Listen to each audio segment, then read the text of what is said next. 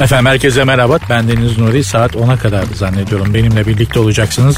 Patron bu programı dinlemezse inşallah. Henüz daha yeniyiz. İlk programların günahı olmaz. Her seferinde şuraya oturduğum her seferinde ya ne anlatacağım insanlara diye düşünüyorum, endişe ediyorum.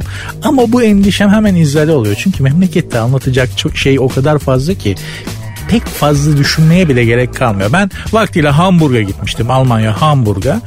iniş yapan uçak, bindiğim uçak. iniş yaparken sağ kanadını piste çarptı. Pilot toparladı tabii ürktük korktuk ama pilot toparladı kalktı döndü bir daha indi. Efendi gibi yanaştık. Almanya'ya girişimizi yaptık. Hamburg'da kaldığım 5 gün boyunca bu uçağın sağ kanadının iniş yaparken piste çarpması ana haberlerde birinci haberdi. Dedim ki ya birinci gün hadi tamam yani falan ama ikinci gün üçüncü gün dedim ya ne oluyor? Dediler ki memlekette başka action yok. Almanya'da başka büyük olay yok abi bizim Türkiye öyle mi? Her gün bir action var her gün değişik bir şey var. Bak en yakındaki gazeteyi çektim. Üçüncü sayfayı oku, okuyorum. Yarım saatte üç kişiyi bıçakladı. Damadını bıçakladı serbest kaldı. Vurdukları kişiyi hastane bahçesine bırakıp kaçtılar. Lüks çip dört takla attı içinden sağlam çıktı. Tefeci çetesi çökertildi. Çivili sopayla işkence. Tavan çöktü baret kurtardı. Memleket Tarantino filmi gibi. Hiçbir şey, hiçbir şey ama hiçbir şey rutin, sıradan, basit öyle olduğu gibi akıp gitmiyor. Mutlaka absürt bir yanı var. Türkiye'de yaşamanın güzelliği de bu. İsviçre'de yaşayan bir arkadaşım vardı. İsviçre'ye yerleşti. Zürich'e. Adam 3. ayın sonunda seyyar satıcı görmek istiyorum. Ee, seyyar kokoreççiden kokoreç yemek istiyorum lan diye krize girmiş ee, şeyde metro istasyonunda. Türkiye'ye postaladılar. Çok huzurlu, çok sakin. Hiçbir şey olmuyor. Bizi de geriyor bu çünkü biz sürekli bir action alıştığımız için bir aksiyona bir patlama çatlama bir şey olmasına alışkın olduğumuz için bizi çok geriyor o Zürih'teki huzur falan. Çocuk Türkiye'ye geldi vallahi yüzüne kan geldi ya. Abi yaşadığımı hissettim. Oh ya her gün aynı şeyler oluyor. Daha doğrusu her gün hiçbir şey olmuyor demişti. O yüzden memleketimizin kıymetini bilelim. Tarantino filmi gibi yaşıyoruz. Hiç canımızın sıkılmaması lazım. Ama inşallah birazcık da huzur, daha huzurlu oluruz inşallah. Hadi başladık.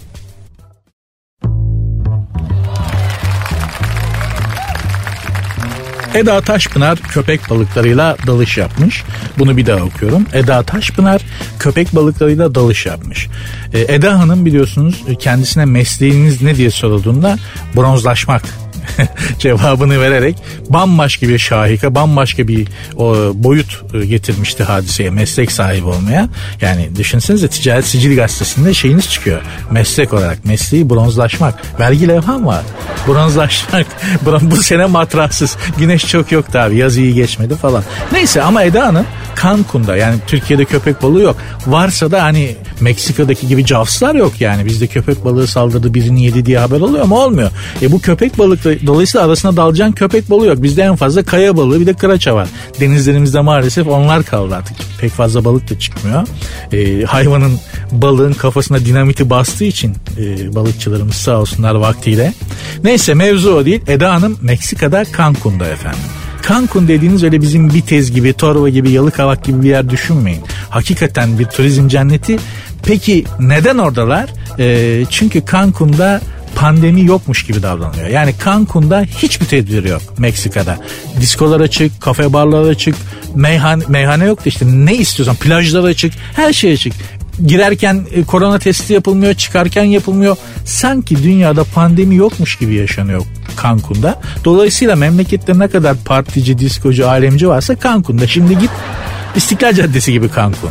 İşte orada köpek balıklarıyla dalış yapmış. Bu tribi biliyorum. Buna köpek balıklarıyla rodeo deniyor. Ee, şöyle yapılıyor. Köpek balıklarını önce doyuruyorlar abi tekneden karınlarını köpek balıklarını çağırıyorlar topluyorlar ve kan damlatıyorlar hemen geliyor bol bol besliyorlar köpek balıkları doyunca e, dalgıç elbisesi giyip aralarına dalıyorlar çünkü köpek balığı da olsa e, hayvan karnı doyunca saldırmıyor insan gibi değil ya doydum artık ne gerek var buna diyor. Bunu ısırmayayım diyor. Güzel. Ya köpek balıkları dalışta şöyle kardeş kardeş el ele süzgecini tutup yüzmek falan gibi değil tabi. Şöyle oluyor. Dibe iniyorsun, dibe çöküyorsun ve çok az hareket ediyorsun. Aynı e, karada azgın bir köpekle karşılaşmak gibi. Yani hemen çömün derler ya böyle hemen Pısarsın köpek böyle diye gelirken köpek balığıyla da aynı trip var. Dibe oturuyorsun çömüyorsun abi. Köpek balığı geçerken avel avel seyrediyorsun. Eda Hanım bu heyecanı yaşamış. Ee, buradan kendisine milli bronzumuz olarak kendisini Türkiye'ye geri dönmeye davet ediyorum. Çünkü e, heyecan istiyorsan köpek balıklarından daha tehlikelisi burada var. Yani şimdi Mayıs ayında havalar biraz ısınsın başlarlar. Emirgan'da Sabancı Müzesi'nin önünde donla denize girmeye başlarlar. Ondan daha büyük tehlike mi var abi? Ben erkek halimle onların arasında yüzemiyorum. Yani erkeğim, kaslıyım, güçlüyüm falan diye değil. Hem cinsim adamlar yani. yani. Ben tırsıyorum. Sana kim bilir neler yaparlar. Düşünsene Eda. Gel heyecanın kralı Cancun'da değil. Burada Emirgan'da sahil boyunda Emirgan'dan Sarıyer Rus sefaretinin önüne kadar havalar ısınmaya başlayınca donla denize girmeye başlarlar. Onların arasına dal. Köpek balıklarının arasına dalıp ne yapacaksın? O hikaye bebeğim ya.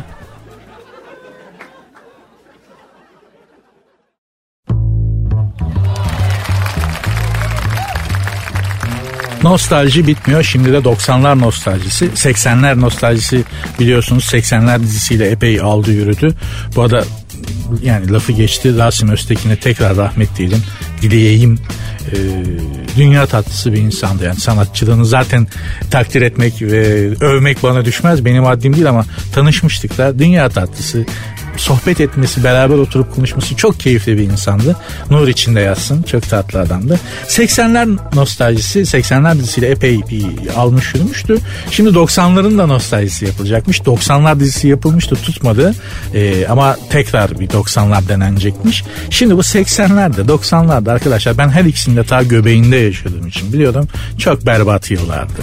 Yani hakikaten böyle bize nostaljisi yapıldığı gibi değil de hele 80'lerin kıyafetleri yani şöyle e, biz böyle ta, zamanda geriye gidebilsek böyle bir hani biri bizi gözetliyor evindeki gibi kameralarla dünyaya bakabilsek hmm, tımarhanenin kapısı tımarhane dediğim için özür dilerim ama deyim öyle e, hakkını veriyor. Tımarhanenin kapısı açık kalmış gibiydi insanların kıyafetleri. Oğlum bak yün kaza kaşe pileli pantolonun içine sokup üstüne rugan kemer altına da spor ayakkabı giyip saçları da lap jöreyle inek yalamış gibi yalatıp ve iyi göründüğümüzü düşünüp sokağa çıkıyorduk arkadaşlar. Ya böyle giyinilen yıllardan ne hayır gelir Allah aşkına gözünüzü seveyim. Ya 90'lara gel 90'lar mesela 90 80'lerin gene masalsı bir yanı vardı. 90'lar Türkiye'nin en karanlık dönemiydi yani. Hiç unutmuyorum. Ee, terör, cinayetler, e, terörün dağlardan şehre inmeye başladığı zamandı. E, faili meçhuller, üst üste büyük ekonomik krizler, yani 90'ların nesinin özleyeceğiz, nesini şey yapıyorsunuz bilmiyorum. Bakın 90'lara dair yani ne kadar dandik yıllar olduğunu şuradan anlayın.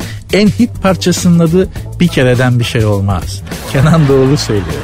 O yüzden arkadaşlar 80'ler 90'lar hikaye bunları boş verelim ya. Gerçekten en güzel zaman şimdiki zaman. Şimdiki zamanı cennet de yapmak, cehennem de yapmak bizim elimizde. Boş verelim maziyle avunmayı. 80'lerde 90'larda yaşandı bitti. Öyle çok da yaşanacak yıllar değil yani. 80'lerde ben darbe oldu abi ya. Daha ne olsun yani 90'larda postmodern darbe oldu. 24 Ocak kararlı ekonomik krizler boş verin maziyi özlemeyi. En güzel zaman, en tatlı zaman şimdiki zaman. Çünkü elimizde olan tek şey ama tek şey gerçekten sahip olduğumuz tek şey şimdiki zaman. Çünkü paranızı, pulunuzu, elbisenizi, arabanızı, evinizi, her şeyinizi elde, elinizden alabilirler. Ama şu anınızı hiç kimse sizden alamaz.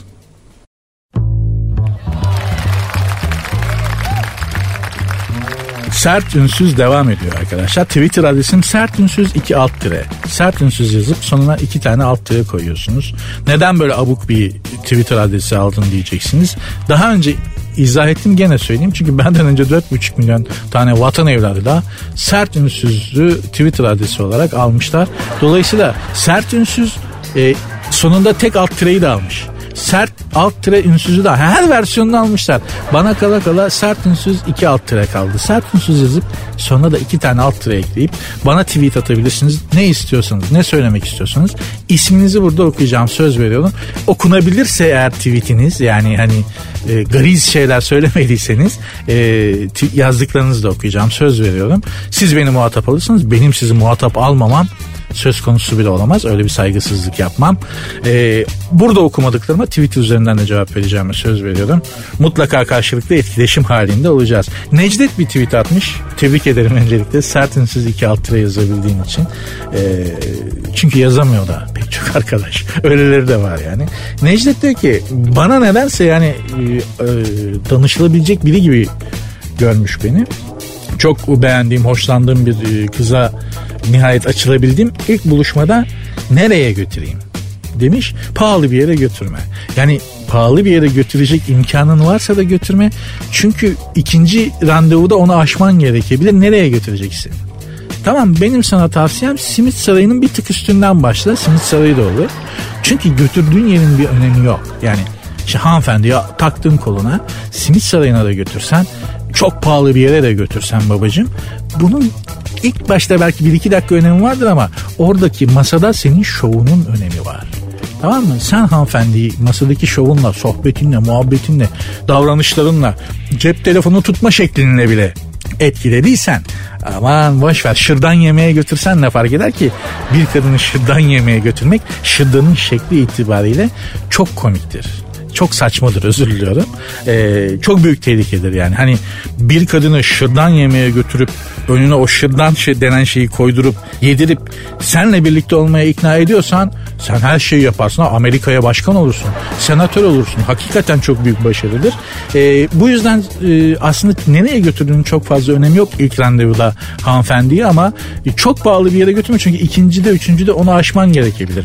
Hesabı yavaş yavaş yüksel. Çünkü hesap mutlaka sana kitlenecek tamam mı? Yani bir de sakın ilk buluşmada bak kadınların attığı en büyük kıtırdır bu. Beraber ödeyelim mi? Hesabı ortak ödeyelim. Ne olur bir de çantaya davranırlar. Gerçekten ödemek istiyormuş gibi. Sakın buna gelme. Sakın bu tufaya gelme. Hesabı sen öde temiz garanti belki kadın samimidir belki kendisi gerçekten hesabı ortak olmak istiyordur ama kadınların çok önemli bir kısmı da bunu seni bir test olarak hmm, bakayım bana da ödetecek mi ödetmeyecek mi falan gibi. Ya ben böyle bir teste tabi tutulmuştum da hesabı ben ödedim sonrasında ben sana bir çay ısmarlayayım o zaman da hadi ısmarla dedim o da testmiş vay bana çay ısmarlattı deyip bir daha görüşmedi benimle. Yani böyle çeşitler var kardeşim tamam mı? Hanımefendiyi elini cebine sokturma.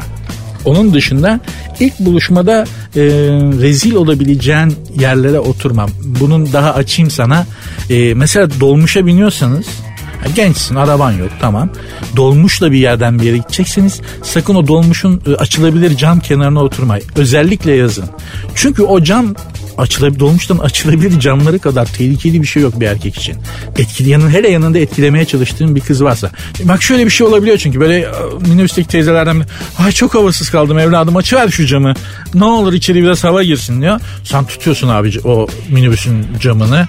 Çekiyorsun çekiyorsun çekiyorsun açılmıyor. Sonra ne oluyor arkadaki lavuk uzanıyor böyle iki parmakla şık diye bir çekiyor. Bittin artık kızın yanında eksiye düştün. O yüzden bak dolmuş kenarında, dolmuşta açılabilir camın kenarında sakın oturma. Pahalı bir yere gitme. Pahalı bir yer olduğunu nasıl anlayacaksın? Ee, bir restoranın. Onu da söyleyeyim yani bir dekor sağlamsa tamam mı? Yani e, küçük armutlunun göbeğinde İtalyan dekoru yapmışsa mesela Anlatabiliyor muyum? Ya da Dudullu'nun göbeğine Çin restoranı yapmışsa orası kesin haşırttır. Zaten e, dekor dediğimiz şey restoranlarda dekor dediğimiz şey e, hesapta geçirmenin bir şeyi olarak diyor. Bir de e, bir şeydir yani içeriye gir baktım böyle kadife perdeler e, şık masa böyle mumlar şamdanlar masada çiçekler ve gereksiz gereksiz şeyler görmeye başladığın zaman oradan uzak duracaksın. Çünkü anla ki orası haşırt bir de garsonlar bir örnek giyindiyse özellikle papyonluysa hepsi hesap kesin kol gibi gelecektir. Bunu sakın unutma. Onun dışında söyleyeceğim tek şey nereye gittiğinin aslında ne yaptığının, nerede olduğunda çok fazla önemi yok. Çünkü kadınlar hakikaten bir konuda çok samimiler. Ee, onları etkileyebilen erkekleri seviyorlar. Nerede olurlarsa olsunlar. O yüzden kendine güven. Önce kendini süsle. Kendini geliştir. Kadınlara hitap etmeyi öğren. Ondan sonra ne olacak? Dediğim gibi şırdan yemeye götürsen ne olur? Yiyorlar tekin.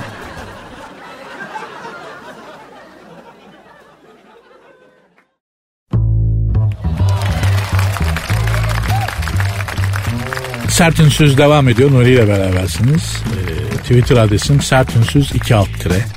Lütfen bana tweet yazın. Orada olduğunuzu bileyim. Çünkü ben burada şu anda boşluğa konuşuyorum. Karşımda hiç kimse yok. Ve inanın bu çok tuhaf bir duygu. E, lütfen orada olduğunuzu, varlığınızı ben, bana belirtin. Güzel şeyler yazmanıza gerek yok. Eleştirileriniz de acımasız olabilirsiniz. Hiç fark etmez. Çok memnun olurum. E, başkasına dediğim gibi gıcık olmuşsunuzdur. Hırsınızı ondan çıkartamamışsınızdır. Benden çıkartın. Bana da yazabilirsiniz ama onu belirtin. Yani ulan bu adama ne yaptım diye düşünmeyeyim yani. Abi patrona gıcık olmuştum sana geçiriyorum kusura bakma deyip döşenebilirsiniz de beyefendiler ve hanımefendiler. Lütfen etkileşim halinde olalım. Vatikan'a yapılan şeytan çıkarma başvuruları 3 kat atmış. Tabi yani şimdi orada bir şeytan girme olayı da var. Bizde yoktur o. Hani bana şeytan girdi diye ortalıkta dolaşan gördünüz mü? Yok. Zaten bunun işlemi de yok bizde. Hani şeytan çıkartıyorum diyen var mı? Böyle bir şey yok değil mi? Orada var ama ben şeyi merak ettim. Yani bunun başvurusu nasıl oluyor? Yani arıyorsun yani adam diyor ki lan bana galiba şeytan yedi saçmalıyorum tuhaf tuhaf hareketler yapıyorum ya. Vatikan arıyor. Telesekreter mi? Otomatik santral çıkıyor. Vatikan'a hoş geldiniz. Hristiyan olmak istiyorsanız bile Hristiyanlık hakkında bilgi almak istiyorsanız ikiye şeytan çıkarma işlemi için üçe basınız. E, üçe bastın. Şeytan ağzınızdan girdiyse bile şeytan başka bir yerden girdiyse ikiye şeytanın nereden girdiğini bilmiyorsanız üçe basın. E, üçe bastım bilmiyorum. E, şeytan içinizdeki şeytan şu an uyuyorsa bire Şeytan size bir şeyler fısıldıyorsa ikiye. ya arkadaş bunun hakikaten nasıl oluyor ya? Bana şeytan bir kere şeytan girdiğini nasıl anlıyorsun değil mi?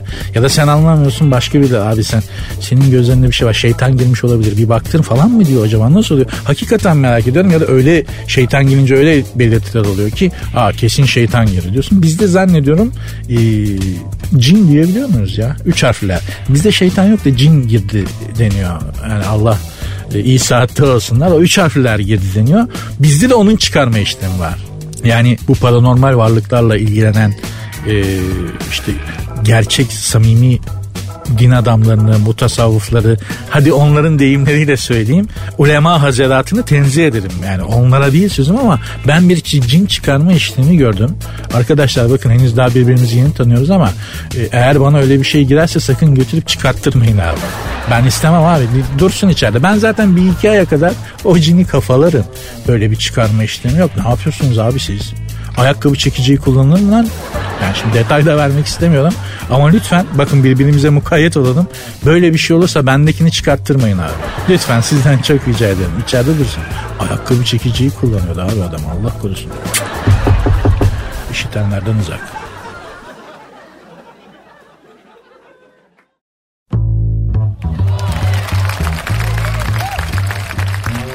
Twilight serisini bilir misiniz? Hatırlar mısınız? Alacakaranlık diye de geçer. Önce seri halinde e, romanları yayınlanmıştı. Daha sonra filme de çektiler. Böyle e, aslında bir vampirin, bir erkek vampirin bir insanla, kadınla olan aşkı. Şimdi bunu kadınlar çok okuyordu o zamanlar ve o zamanki kız arkadaşıma sormuştum. Ne var ki bunda diye. Orada o kadar güzel bir aşk anlatılıyor ki dedi. Lan herif vampir. Yani yarasa yani fare herif. Herif fareye dönüşüyor lan. Fare görünce sen üç günlük yola kaçan bir insansın. Denize götürsen beni yosunlu yere getirir. Ama buraya basamıyorum yengeç var diye. Çıldırıyorsun bacım sen. Lan nasıl oluyor da bir yarasın adam ilah oldu ya. Bak o Twilight'tan sonra şimdi devamını çekiyorlarmış filmi. Halbuki daha gerçi mesela güzel ve çirkin vardı bizim zamanımızda. Kadın güzel, adam çirkin. Herif yarı e, kedi miydi, yarı kaplan mıydı öyle bir şeydi. Tip sizin önde gideniydi. Güzel ve çirkinden öğrendik biz e, güzel ve çirkinin birbirini sevebileceğini. Bizim kuşağın kızlarına dikkat et hep maymun gibi heriflerle evlendiler. Ama çok mutlular.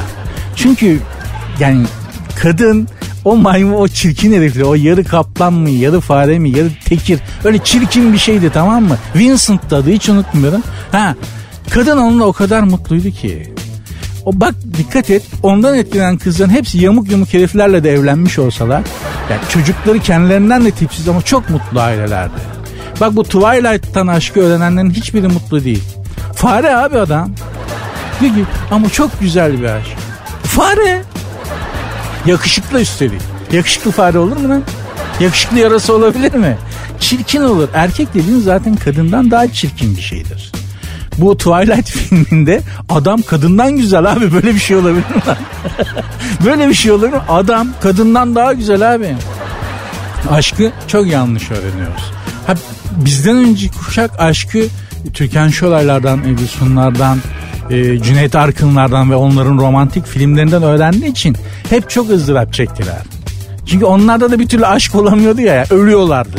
Araya biri giriyordu. A- anlamsız yanlış anlaşılmalar vardı. Onlar çok trajedik aşklar yaşadılar. Ama bizim kuşak güzel ve çirkini izleyenler özellikle kadınlar çok mutlu oldular. Çünkü mantıklıydı. Kadın güzeldi, adam çirkindi. Gerçek hayatta olduğu gibi.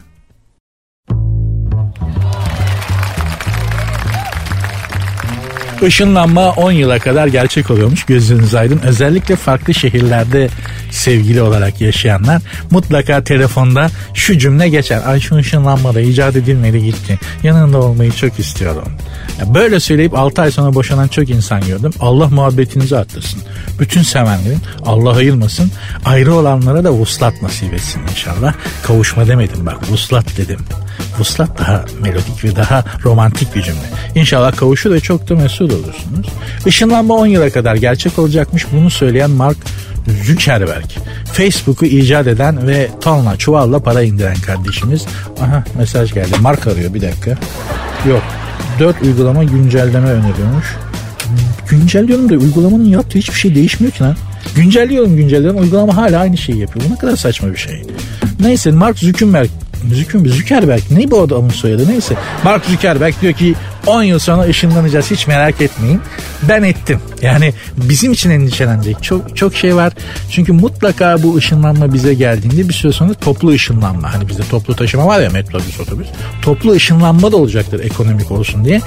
İşte orada orada çok ciddi sıkıntılar olabilir. Çünkü ışınlanma dediğimiz şey ne abi? Senin atomlarını uzaya dağıtıyorlar. Sonra gitmek istediğin yerde tekrar senin atomlarını bir araya getiriyorlar. Yani sen hücrelerine kadar en küçük yapı taşlarına kadar uzaya dağılıyorsun. Ve sonra mesela İstanbul'da beni ışınlayın diyorum ben. Beni buradan uzaya bir dağıtıyorlar abi. Sıfıra kadar yani. Sonra Hakkari'de bir araya topluyorlar. Büyük olay. Yani bir insanı tekrar bir araya getirebilmek bugün bugün aslında bir kalemi ışınlayabilmişler. Yani bir kalemi uzaya ışınlayabilmişler de başka bir yerde toparlayamamışlardı. Işınlamayı, dağıtmayı becerdiler. Bir araya getirmeyi beceremediler ki asıl film orada yatıyor zaten. Ya Türkiye'de toplu ışınlanma bunun yani biniş kartı falan olacaktır eminim İstanbul kart gibi. Düşünsene 3 kişi ışınlanıyoruz. Bizi uzaya dağıtıyorlar. Toplarken benim kafam yanımdakinin kolu öbürünün bacağı bir ötekinin dalağı bir araya geliyor. Adamlar mozaik yapıyorlar.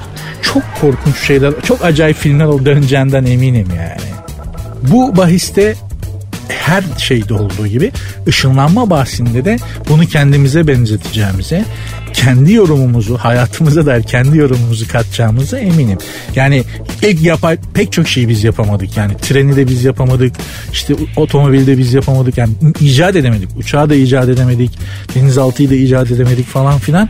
Maalesef bilgisayar, kompütür işte bu, bu tür şeylerde de geç kaldık. Yapay zekayı da biz bulmadık. Çünkü zekayı daha tam kullanmadık. Yani zeki insanlarımızı, zekası kıymetli insanlarımızı kaybediyoruz. Adamlar Amerika'ya falan geliyorlar yerleşmeye yani. Maalesef beyin göçü dediğimiz şey. Yani en göçmemesi gereken organımız göçmesine izin veriyoruz. Dalak, mide zaten bizde sakat. Bunlar istiyorsa göçe, göçsünler ama yani beyin göçü çok kötü bir şey. Zaten çok az. Öyle değil mi yani? Ya şimdi kalp Abi memleketin yarısı zaten kalp hastası. Ya damar sertleşmesi var ya kalp kapakçığında arıza var. Zaten bir özel hastaneye gittiğin zaman reşat altına takar gibi sana stent takıyorlar. Yani her türlü organımız göçebilir yurt dışına ama ne olur beyin göçmesin. Hakikaten çünkü iyi beyin, kıymetli beyin çok az. Sadece bizde değil dünyada da az. Yani Amerika üstün zeka mı kaynıyor zannediyorsun? Bak dünyadan topluyor herkesi. Almanya hakeza. Suriyeli göçmenlerin içerisinden bile hemen profesörleri, profesörleri, kafası çalışanları, IQ'su yüksek olanları araklayıp aldılar. Onları aldılar bak. Bize işte kalanlar Öyle onlar da bizim kardeşimiz ne yapalım? Yani insan ne yapalım? Atım, atsan atılmıyor satsan satılmıyor. Gelmiş işte ne yapacaksın yani? Otobüslere bindirip geri mi yollayacağız? Yapalım diyen var gerçi ama bilmiyorum. Mevzu o değil neyse. Yapay zekayı da biz yapmadık. Ama ilk yapay geri zekayı biz, biz yapacağız eminim. Çünkü kafa ona yapacak başka bir şey kalmadı bu. Yani yapay zekayı yaptılar. Bizim bunun antisini geliştirmemiz lazım. Yani ilk yapay geri zekayı yapıp onların yapay zekalarını bozmamız lazım. Anlatabiliyor muyum? Sen ARGE diye bir şey var dünyada. Şirketlerin hepsi dünyadaki en önemli yani en büyük en dev yarasal şirketlerin hepsi bütçelerinin en büyük kısmını ARGE'ye yatırıyorlar. ARGE ne? Araştırma, geliştirme. Adamlar yani araştırıyorlar sonra geliştiriyorlar. Neyi? Ürünlerini. Çünkü farklılaşmak zorundalar. ARGE çok sihirli bir kelime. Türkiye'de buna bir iki senedir uyandılar. Şirketler ARGE için bütçe ayırmaya başladılar. Ama bizde GEAR var. Önce bunu yıkmamız lazım. Yani ARGE'yi kurmak için bizde temelde GEAR var. Biz önce geliştiriyoruz sonra araştırıyoruz. İşi önce yapıyoruz sonra o işle ilgili bilgi sahibi oluyoruz. İşi yaparak bilgi üretiyoruz. Bilgiyi önceden üretip o ürettiğimiz bilgiyle iş yapmıyoruz.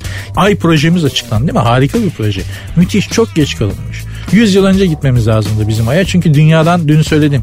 Dünyadan 500 sene önce başladık biz uzayı incelemeye bizim bilim adamlarımız. Takyüddin'in hikayesini size dün anlattım. Meleklerin bacaklarına bakıyor diye padişaha şikayet etmişler gariban. Adamı sürmüş padişah. Yani ama 500 sene önce birileri bütün dünyada kimseler merak etmiyorken 500-600 sene önce bizim topraklarımızda insanlar ayı, öteki gezegenleri, bu gezegenlerin hal ve hareketlerini merak etmişler, araştırmışlar. Herkesten önce başlayıp bir alanda bu kadar geride kalmak çok kötü bir şey bu abi. Öyle değil mi yani? Ben e, ışınlanma bahsini çok merak ediyorum. Hakikaten özellikle toplu ışınlanmada yani hele bir kadınla bir erkek ışınlanıyorsa yani düşün şimdi e, yanımda bir hanımefendi ve ben ışınlanıyoruz. İkimiz de Bakırköy'e gideceğiz Sarıyer'den. Bindik belediyenin ışınlanma aracına. Bastı şoför düğmeye mutlaka şoförü de olacağı için. Işınladı. Bakırköy'de e, ne o Çamlık durağında bizi topladılar bir araya. Evet kafa benim kafa. Lan benim göğüslerden bir tanesinde bir tuhaflık var.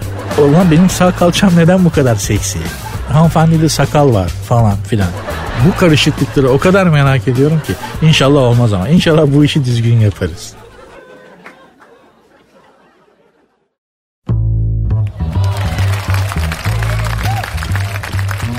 Sert Ünsüz devam ediyor. Ben Nuri. Twitter adresim Sert Ünsüz 2 alt çizgi.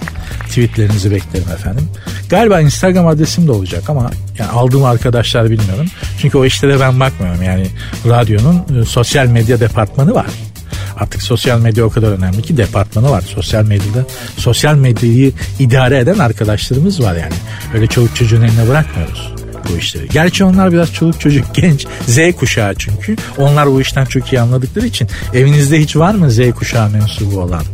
Evet, çok ciddi bir çatışma yaşıyorsunuzdur eminim. Anlamakta çok gördük, güçlük çekiyoruz birbirimizi. Benim yeğenim var. Tam bir Z kuşağı. Bütün dünyaya karşı tavırlı, çok mutsuz, çok bencil. Bütün Z kuşakları gibi. Ee, sürekli eleştirel bir halde. Sürekli tepkili.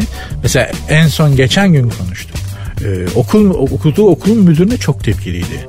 Ne oldu kızım neden böyle dedim.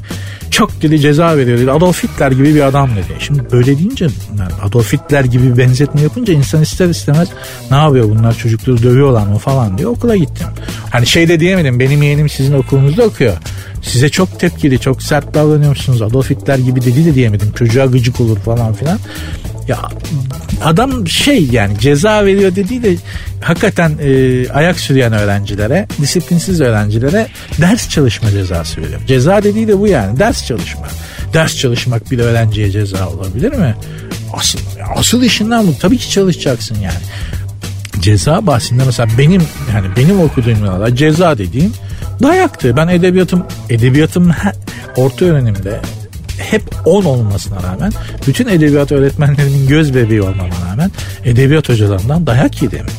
Beden eğitimi öğretmeninden döner tekme yedim. Kung fu öğretmiyordu. Eşortmanın üstünü getirmeyi unutmuştum. Adam dönerek vurdu abi. Tekme attı. Ve babamla öğretmenin vurduğu yerde gül biter. Babama söyledim. Beden öğretmeni bana döner tekme attım.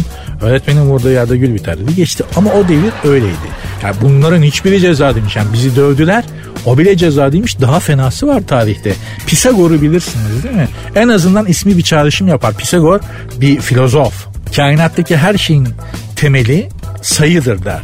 Yani ark ediyorlar ona felsefede. Şimdi fazla oraya girmeyelim. Kafanızı bununla şişirmeyeceğim ama e, her şey sayıdır der. Mesela evlilik Evliliğin sayısı 10'dur.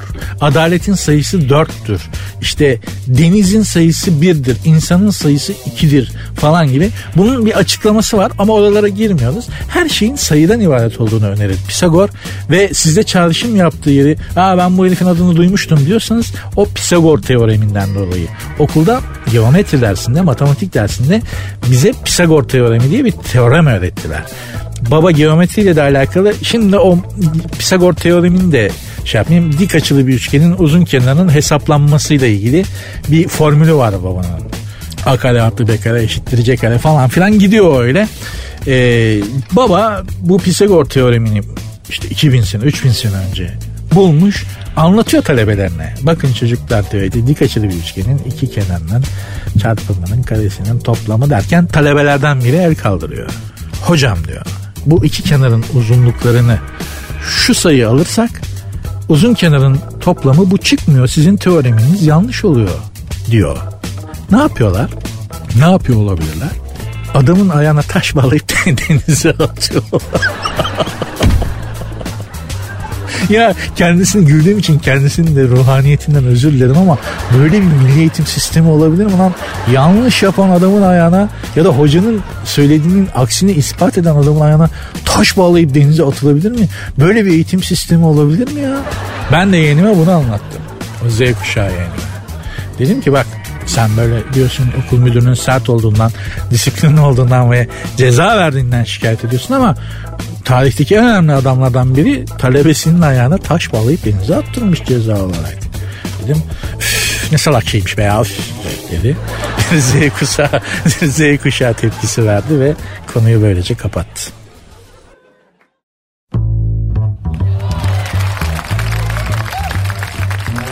Kadınlar neden uzun boylu erkeklerden hoşlanır? Bu soruya sosyal medyada denk geldim.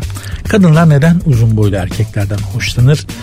sorusundan daha önemli bir soru var. Daha önemli bir bilgi var. Aslında erkekler uzun boylu kadınlardan daha çok hoşlanırlar. Kesin bilgi. Ee, hiç uzun boylu sizden erkeklere sesleniyorum. Yani içimizdeki erkeklere hitap ediyorum şu anda. Hanımefendiler lütfen affetsinler. Kanalda değiştirmesinler. Çünkü aslında kadınlar için çok önemli bitiyor. Yani bunu aslında kadınların dinlemesi gerek. Ama ben soruyu erkeklere soruyorum. Hiç sizden uzun boylu ama böyle 1-2 santim değil. Böyle 15 santim falan uzun boylu bir kız arkadaşınız sevgiliniz oldu mu? Olmadıysa bu duyguyu bilemezsiniz. Benim oldu. Oğlum bak müthiş bir etki. Bak istersen istersen kel ol, fodul ol. Ee, ibişin teki ol. Maymunun, şempanzenin, şebeğin önden gideni ol. Senden 15 santim uzun boylu bir kızla bir hanımı koluna takıp bir mekana girdiğin zaman içeriye Elvis Presley girmiş gibi oluyor. Yok böyle bir etki. Yani hanımefendi çok güzel boylu postlu gösterişli ama etki senin etkin abi. O kadar tatlı bir etki oluyor ki bir de topuklu giydiriyorsun. E, o fark bir yarım e, 30 santime kadar çıkıyor ve böylece bir mekana giriyorsun. Var ya ya içeride ilah oluyorsun ya. Herkes sana bakıyor. Herkes seni düşünüyor. Ve herkes senden etkileniyor. Ne kadar tipsiz olursan ol. Ne kadar şey olur. Yani şimdi şöyle düşün. Uzun boylu bir adamın yanında ondan daha kısa bir hanımefendi dönüp bakar mısın? Yani garipsel misin? Vay der misin? Demezsin çünkü normal yani böyle oluyor zaten. Ama senden 30 santim uzun bir hanımefendiyle el ele kol kola bir yere girdiğin zaman içeriye hakikaten Elvis Presley, Brad Pitt girmiş falan gibi bir şey oluyor. Bütün erkek kadın herkes senden çok etkileniyor. Ama öyle dediğim gibi hani böyle 5 santim uzun 16 santim uzun iki parmak uzun olmayacak kız arkadaşın senden. Şöyle bak bunun ölçüsü şu. Kız arkadaşının elinden tuttuğun zaman yani kız senin elini tutmak için zaten hafif eğilmek zorunda kalacak da kızın kendini kızın yanında kendini pazar poşeti gibi hissediyorsan abi doğru ölçü bu işte bak. O kadar uzun olacak kız senden. Hakikaten kız böyle bir pazar yani kız da bir pazar poşetini taşıyormuş gibi hissedecek senin elini tuttuğu zaman. Bu formülü bunu yaparsınız eğer böyle bir sevgiliniz olursa böyle bir hanımefendiyle e, sevgili olabilirsiniz, arkadaş olabilirsiniz ve herhangi bir yere gidersiniz yüzde yüz oranın kralı sizsiniz. Bütün herkes sizi düşünür. Gar servis yapan garsonun saygısı artıyor ya. Ya kap, mekanın kapısına gidiyorsun. O izbandut gibi korumalar Ömercik oluyor. Sezelcik hoş geldiniz abi falan diyor. Çünkü öyle bir etkisi var. Bence kadınların uzun boylu erkekleri beğenmeleri, hoşlanmaları gayet normal. Ama asıl etki bence uzun boylu, çok uzun boylu kadın ondan daha kısa boylu erkek ikilisinde yatıyor. Ve bütün erkeklere bunu bir kere hayatlarında bir kere yaşamalarını ve bunu yaşamadan ölmemelerini tavsiye ediyorum.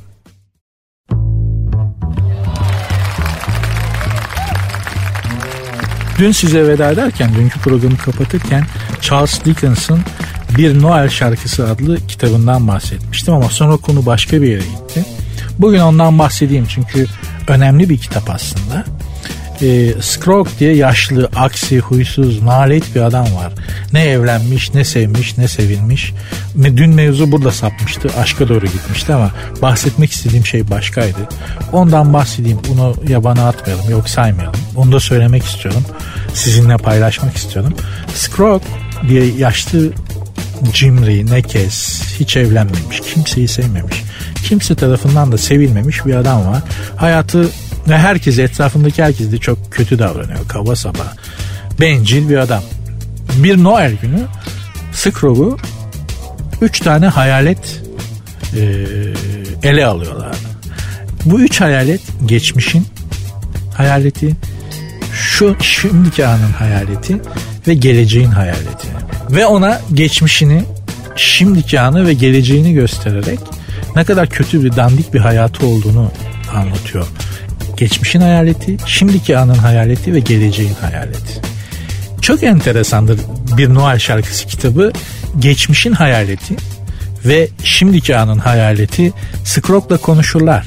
Yani baya böyle iletişim haline geçerler konuşarak. Ama geleceğin hayaleti konuşmaz. Sadece işaret diliyle anlatır söyleyeceklerini. Neden? Neden Charles Dickens geçmişin ve şimdiki anın hayaletini konuşturduğu halde geleceğin hayaletini konuşturmamıştır? Çünkü geleceğin söyleyecek hiçbir şey yok. Çünkü geleceğimiz henüz tam olarak şekillenmedi. Sizin yapacağınız tercihler şu ya da bu demeniz, bir yere gidecekken son anda vazgeçmeniz, bir şeye hayır diyecekken son anda evet demeye karar vermeniz geleceğinizin ne olacağını belirleyecek. Şu anda bilmiyoruz. O yüzden geleceğin hayaleti asla konuşmaz. Ve Scrooge bir Noel şarkısı kitabının kahramanı Scrooge e, geleceğin hayaletiyle karşılaştığında şöyle der. En çok senden korkuyorum geleceğin hayaleti. Ve kitabın finalinde şunu anlarız ki aslında korkunç olmayan tek hayalet de geleceğin hayaletidir. Ötekiler çok korkunç şeyler göstermiştir. Çok kötü şeyler göstermiştir Scrooge'a. Geçmişin hayaleti ve şimdiki anın hayaleti. Ama geleceğin hayaleti ile işi bittiği zaman Scrooge'un seven, sevilen, mutlu olan, mutlu eden ve geleceğe dair endişelerinden kurtulmuş bir Scrooge olarak kitap biter. Efendim gelecekten korkmanın bir anlamı yok. Zaten gelecek yani. Yani korksan da gelecek, korkmasan da gelecek. Sakin olmakta fayda var. Bir Noel şarkısını kitabını okumakta da bir fayda var. Israrla öneririm. Çok zaten Charles Dickens yazmış. Büyük bir eser. Kalın da değil üstelik. Dün bahsetmiştim bununla ilgili. Fazla şey yapmayacağım. Bir günde bile bitirebileceğiniz bir kitaptır. Yok abi ben kitap okurken canım çok sıkılıyor derseniz Beşiktaş Teknik Direktörü Sergen Yalçın gibi kitap okumuyorum çünkü canım çok sıkılıyor demişti. Allah'tan rakiplerin canını okuyor bir Beşiktaşlı olarak e, en azından böyle teselli oluyoruz. E, bir Noel şarkısı kitabını film de yaptılar. İki versiyonu var. Ben size Jim Carrey'nin oynadığı animasyonlu filmi tavsiye ederim. Çoluk çocuklar hep beraber izleyebilirsiniz. Herkesin e, alabileceği mesajlar var. Yani mesajlı da bir film. İzlemesi de keyifli bir film. İçinde de Jim Carrey olduğu için ayrıca keyifli. Eh bugünlük de bu kadar yeter. İnşallah program da keyifli olmuştur. Yarın görüşürüz. Yarın görüşene kadar inşallah her şey, umduğunuz her şey umduğunuz gibi olur. istediğiniz gibi olur. Arzu ettiğiniz gibi olur. Ama en önemlisi şimdi size çok mutsuzluk veren şeyler oluyor olsa bile bunlar inşallah sizin için hayırlı şeylere vesile olur. Yarın görüşürüz. Hoşçakalın.